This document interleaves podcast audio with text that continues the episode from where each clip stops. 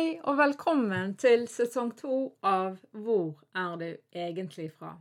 En podkast dedikert til å fremme kulturell mangfold og inkludering. I denne sesongen fortsetter jeg å utforske kulturelle identiteter og historier fra ulike perspektiver. Men vi skal også høre fra gjester som har unike erfaringer med vårt mangfoldige samfunn. Jeg deler av mine personlige erfaringer som kristkulturell, min kunnskap og arbeidserfaringer for at du skal få mest mulig ut av å lytte til podkasten. Er du nysgjerrig, åpen og vil lære, er dette podkasten for deg.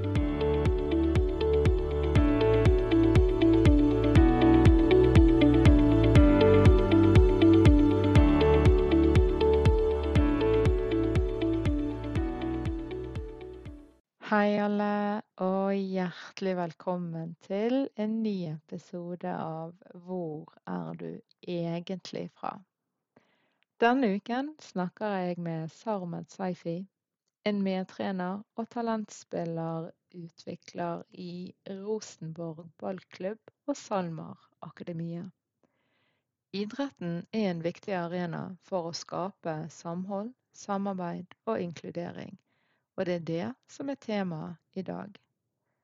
I etterkant av samtalen så ble jeg bevisst på et poeng jeg kanskje har hatt mindre fokus på i tidligere episoder, og som Sarmen gjør både meg og dere oppmerksom på. Nemlig at riktignok har vi som medmennesker i ulike roller et ansvar for å bidra til andre sin inkludering. Men man har jo også sjøl et ansvar for å bli inkludert. Dette er Sarman tydelig på, og det setter jeg stor pris på at han er. Ja, vi skal legge til rette for å bidra til inkludering. Men vi skal heller ikke ha eller ta hele ansvaret for det. Vi må også kunne stille krav.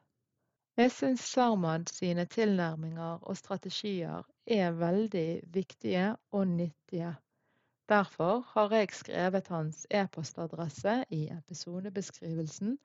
Denne tematikken snakker nemlig Sarmad mye om, og han holder foredrag om det. Så ta kontakt med han hvis dere er interessert i å vite mer. God lytting da, folkens. Hallo, Sarmed, og hjertelig velkommen til ukens episode av Hvor er du egentlig fra? Hei, Nord.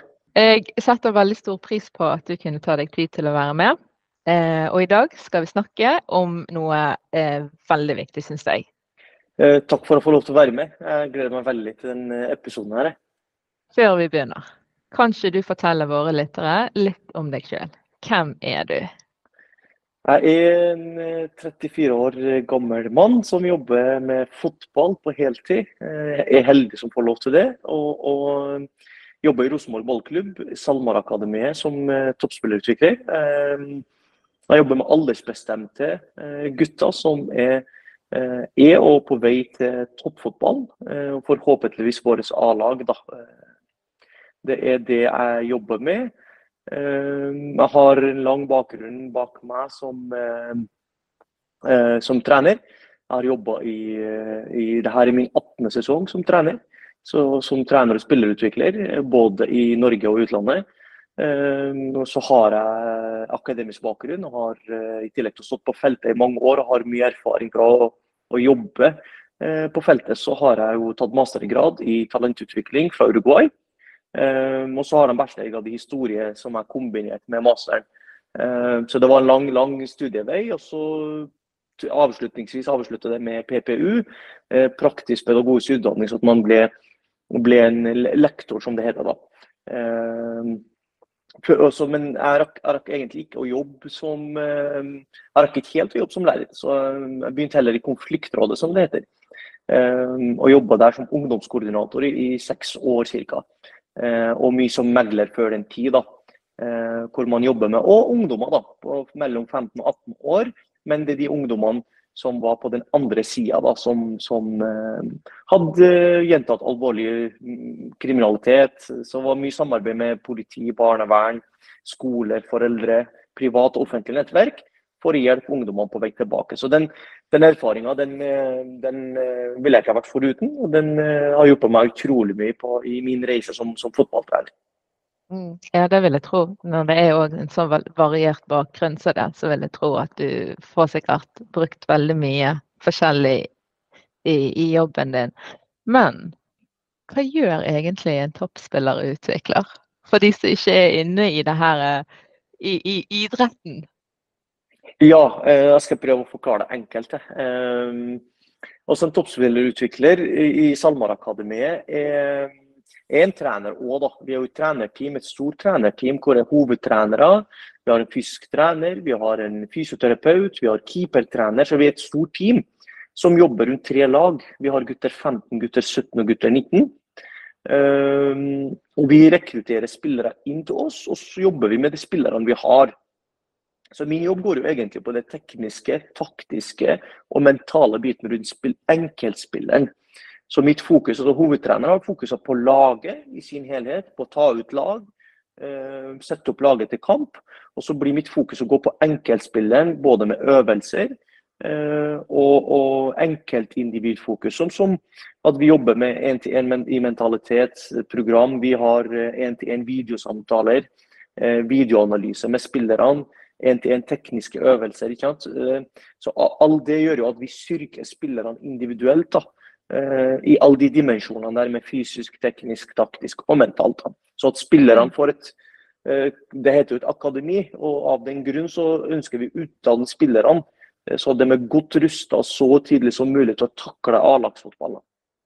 Det er nemlig akkurat det du gjør, og den internasjonale og nasjonale erfaringen som du har, som jeg tenker som er jo på en måte fokuset for dagens eh, samtale.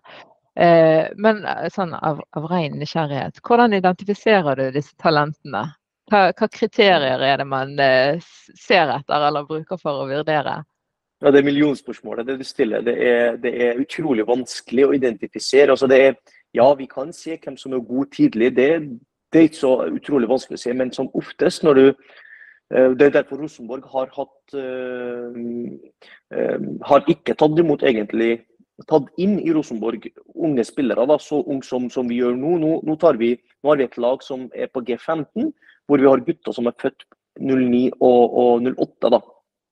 Og mm. før, før, i år så har vi ikke tatt, tatt inn så unge spillere, egentlig. Uh, vi gjør det fordi vi ser at det, det, vi klarer å påvirke dem fra tidlig alder i mye større grad. Da. Men jo lavere ned du går, jo vanskeligere er det å spå hvem som blir god. Okay, ja. mm. Så det mm. handler om, om, å understøtte de miljøene de er i så lenge som mulig. Et, et eksempel på det, det er en spiller som var signert som var født i 09, som kom til oss. og Vi, vi prøvde å eh, holde den i sitt miljø så lenge som mulig, egentlig. Men når, når tilbudet ikke blir godt nok, spilleren blir så god at du, øh, alt blir mestring, på en måte, du får ikke noen utfordringer lenger for å mm. utvikle deg, så må den spilleren bevege seg til et bedre miljø som er større. Og vi er nå heldige i Rosenborg. I Midt-Norge så er vi, eh, vi er den største klubben i Midt-Norge og Norge. Og da blir det jo sånn at alle spillere fra Midt-Norge skal komme til oss, egentlig. Eh, ja. For å få lov til å utvikle seg videre. Så vi prøvde med han spilleren. Eh, vi prøvde fra høsten i fjor og helt til eh, tidlig i år da, å beholde den i sitt eget miljø. Og hospitere hos oss. Eh, for å, for å få la han være i miljøet sitt, for å la miljøet Ehm, fordi vi vet at det er trygt, og det er godt, og det er sosialt, og det er med venner og osv. Men når spilleren ikke får utvikle seg, så ble vi enige med den klubben om at det beste for spilleren var å komme til oss. da.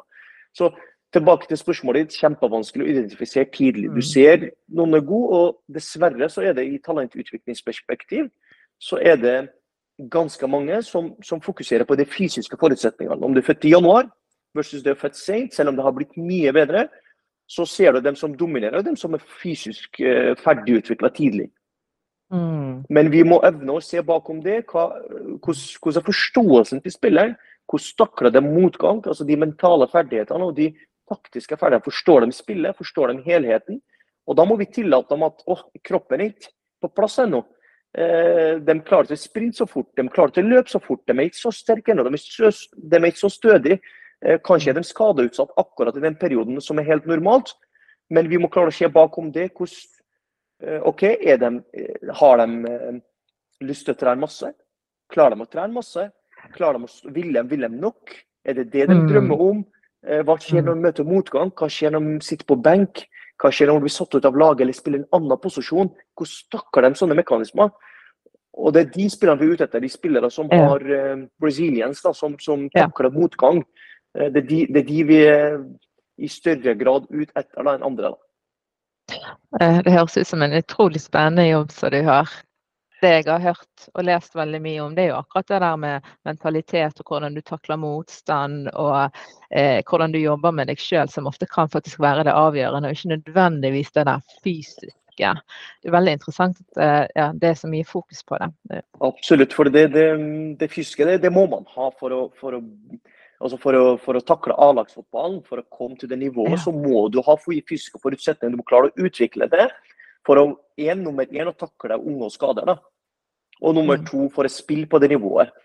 Eh, Mm. Så det, det må ha, du må ha det, men vi må òg klare å se utvikling. Så, så vi, vi driver jo målretta systematisk eh, måling av spillerne på høyde og vekt. og um, hvor fort de sprinter, f.eks. hvor høyt de hopper og sånne ting. Og det, det er ikke for å sammenligne dem med hverandre, men vi vet at de er veldig forskjellige. Men det er for å se utvikling. Så vi tar i januar, og så tar vi medio midt i året, på en måte, og så tar vi sent på året. og så ser vi år nummer to. Hvordan utvikler de seg? Okay, er, det, er det mat og drikke? Er det næringa det står på? Er det nok trening? Er det nok hvile de har?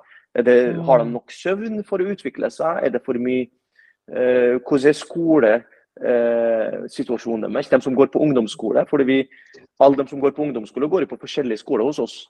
Så da må man prøve å stramme inn, hjelpe til, snakke med foreldre osv.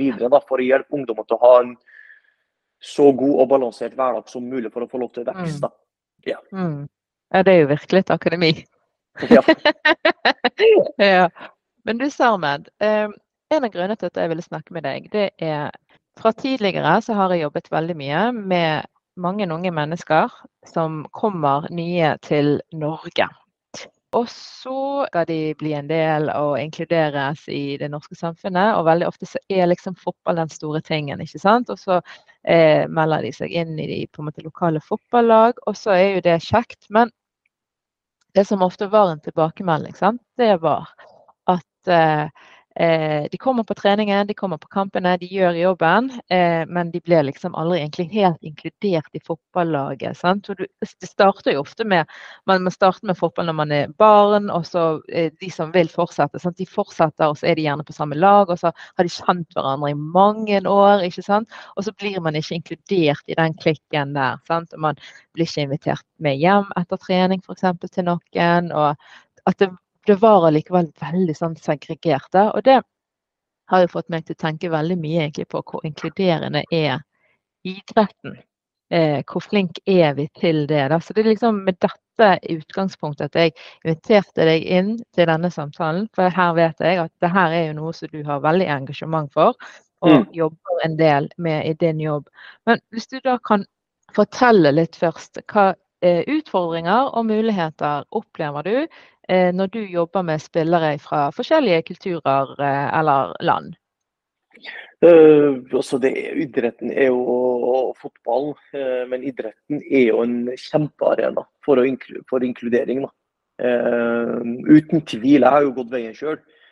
Kom jo til et lag hvor jeg ikke snakker språket, ikke kjente noen. Og ble veldig godt tatt imot, veldig godt ivaretatt da, fra tidlig av. Så jeg var ekstremt heldig, og så ville jeg nok. jeg bydde på meg sjøl. Så det, det krever litt av deg òg. Uh, samtidig så krever det av at miljøet skal inkludere deg. Så det må begge delene til. Men du må by på det sjøl, du må være på plass. Du må uh, vil nok. Uh, jeg, når jeg møtte opp på min første økt når jeg kom hit som 12-13-åring så, så, til Norge, da, så det var jo på østsida her på Lade da, i Trondheim. jeg kunne ikke et ord norsk eller engelsk. Ja. Så, så det, det, altså det forutsetter jo at folk der de, de, guttene jeg ble kjent med der, de er jo mine beste venner i dag. og de, de tok seg tid til å forklare meg ting. Tålmodig med meg, men samtidig så satt jeg og pugga hver dag norsk. For å lære meg norsk fortest mulig for å kunne kommunisere med dem. Så du må legge ned et hardt arbeid, samtidig som du må møte et miljø som, er, som, som gir deg mulighet da, til å utvikle deg.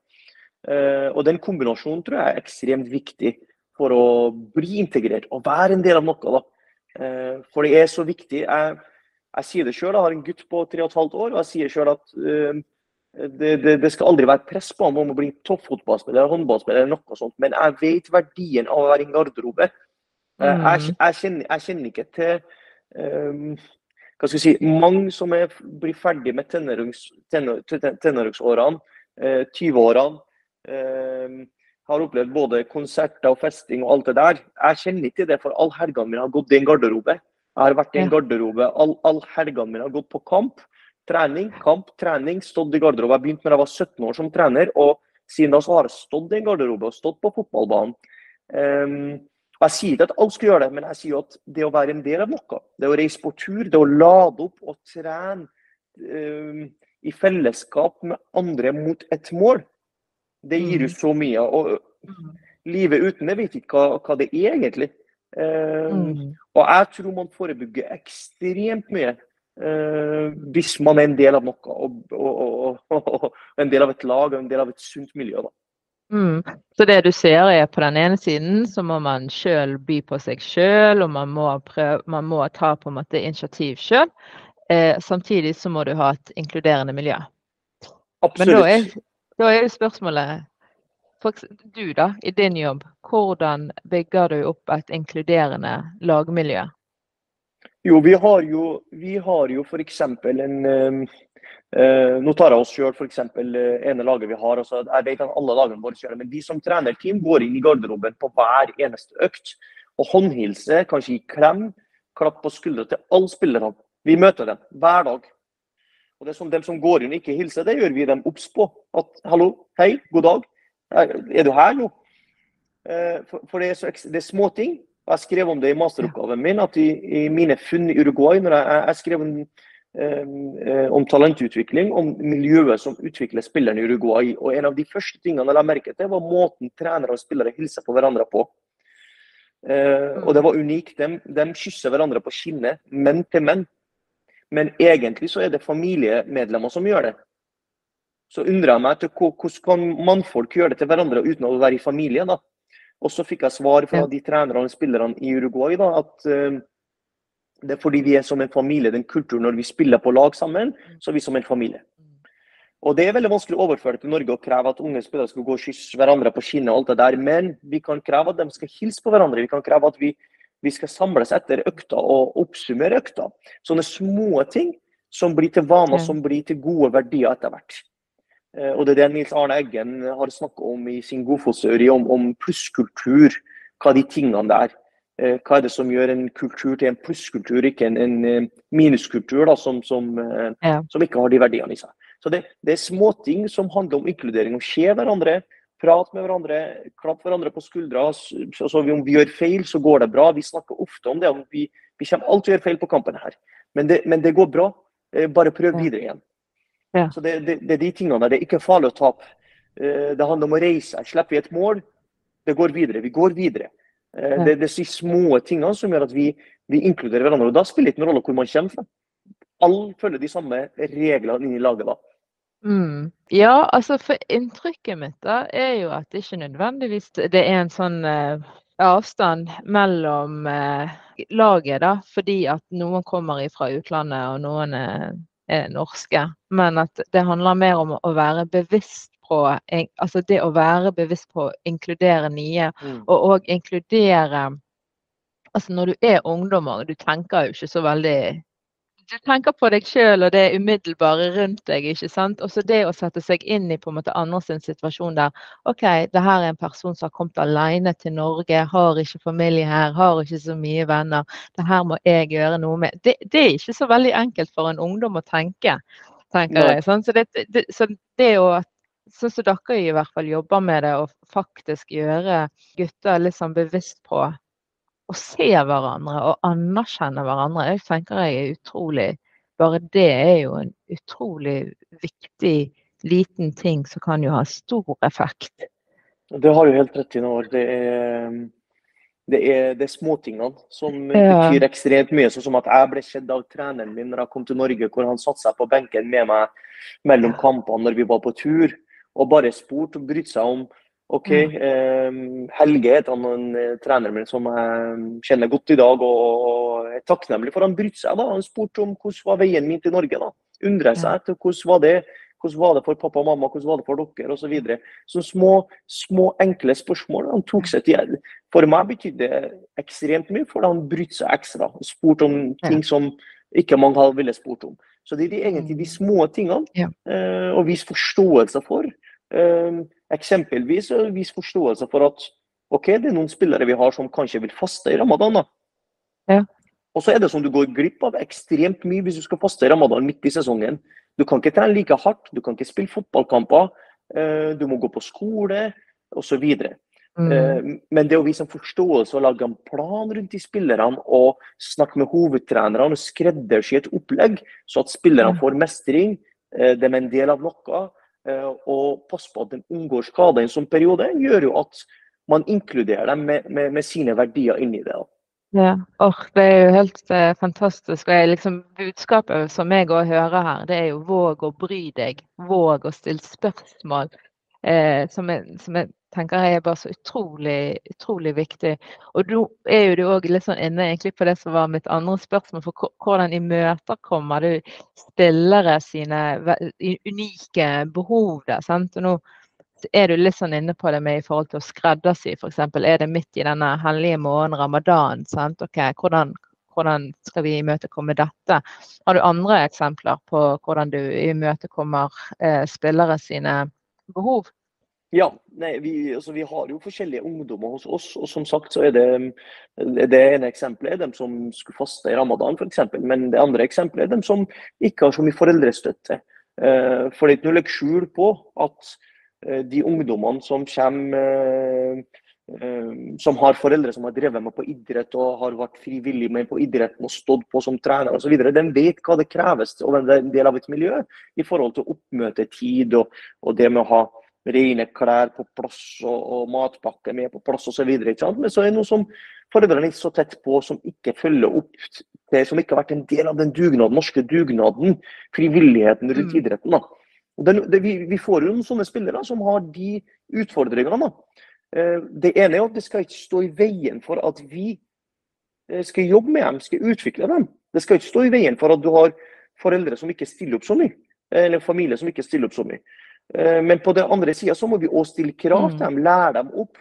Vi må stille krav til dem om at sånn er det her å være hos oss. Eh, sånn kreves det for at du skal være en del av det fellesskapet her. Men hva skal til for at vi kan hjelpe deg på veien? Ja. Eksempelvis en spiller som vi har som ja.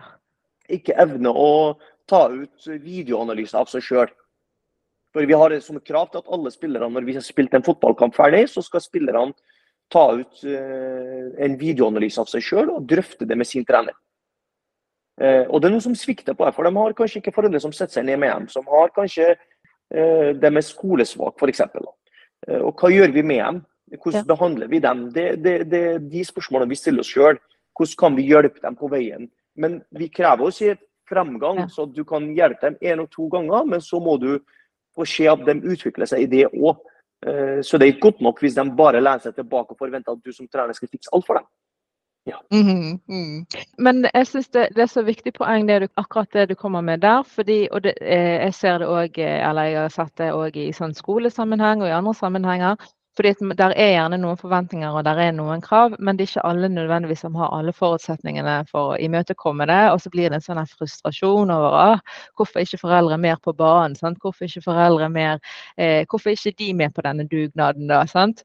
Eh, og mm. så er min erfaring at eh, for det første så er det ikke alltid engang foreldre er klar over på en måte betydningen av det. ikke sant? Og man trenger noen som faktisk tar litt tak og eh, forteller om det og er med på den der. Kom an, bli med, liksom. Sant? Så igjen, da. Altså bare verdien av å OK, vi må tenke litt mer åpent. Vi må få flere med. Og hvordan gjør vi det? Eh, ja, Skape en sånn rolleforståelse. Så vi har ja. Eh, noe av det første utarbeidet når jeg kom, og det er min erfaring fra konfliktrådet òg, som ungdomskoordinator. da. Uh, så det er noe av det første. Vi har et vedlegg nå med alle, alle spillerne til oss har jo kontrakt, ikke sant? et årskontrakt i akademiet. Ja. Og rundt kontrakten av meg så har vi opparbeidet et ark som viser til, det, det setter vi oss ned med spillere og foreldre når vi skal signere spillerne. Uh, og På det arket så er det rollefordeling. Hva skal klubben bidra med? Rosenborg fotballklubb. Mm. Hva skal, hva skal, du som forelder bidra med? Og Da skriver vi med store blokkbokstaver spillerutvikler hjemmefra. Det med søvn, det med mat og drikke, ernæring, mm. skole. Det skal foreldrene hjelpe ungdommen til å håndtere og klare, så at de er fresh hele tida til å trene og tåle belastning. Og hva skal vi som trenerteam gjøre?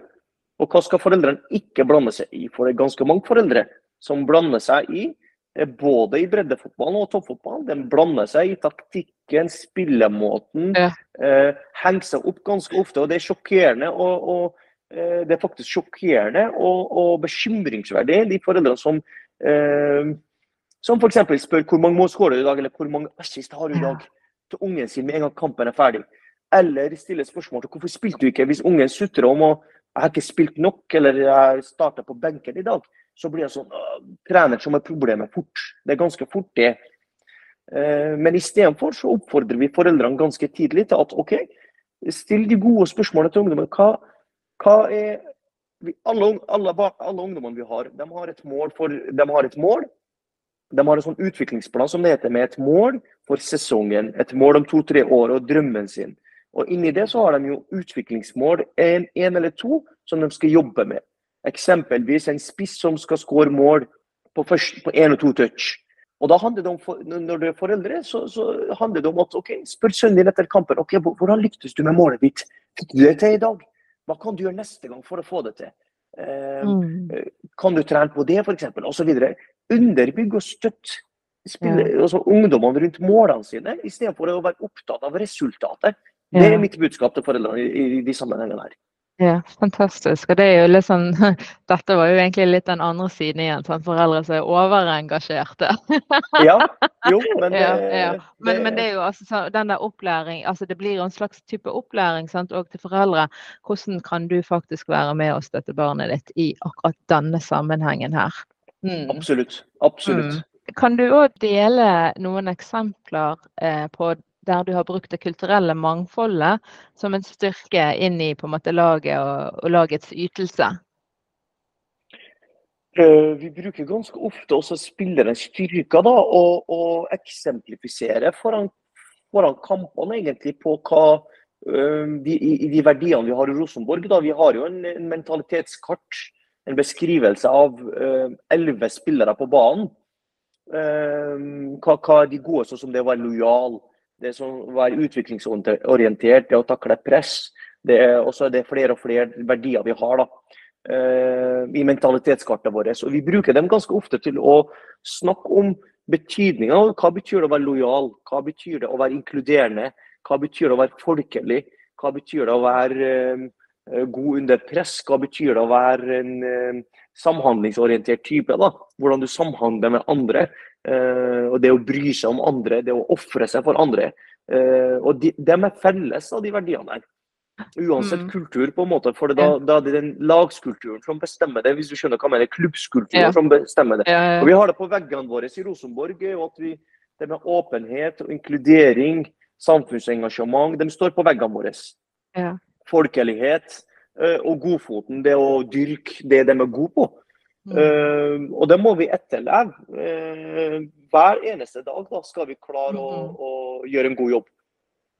Men så da tar dere egentlig hver sin individuelle forståelse av hva er den og den verdien, og så lager man òg egentlig en felles forståelse av verdier som faktisk utgjør da lagets eh, kultur på et vis. da.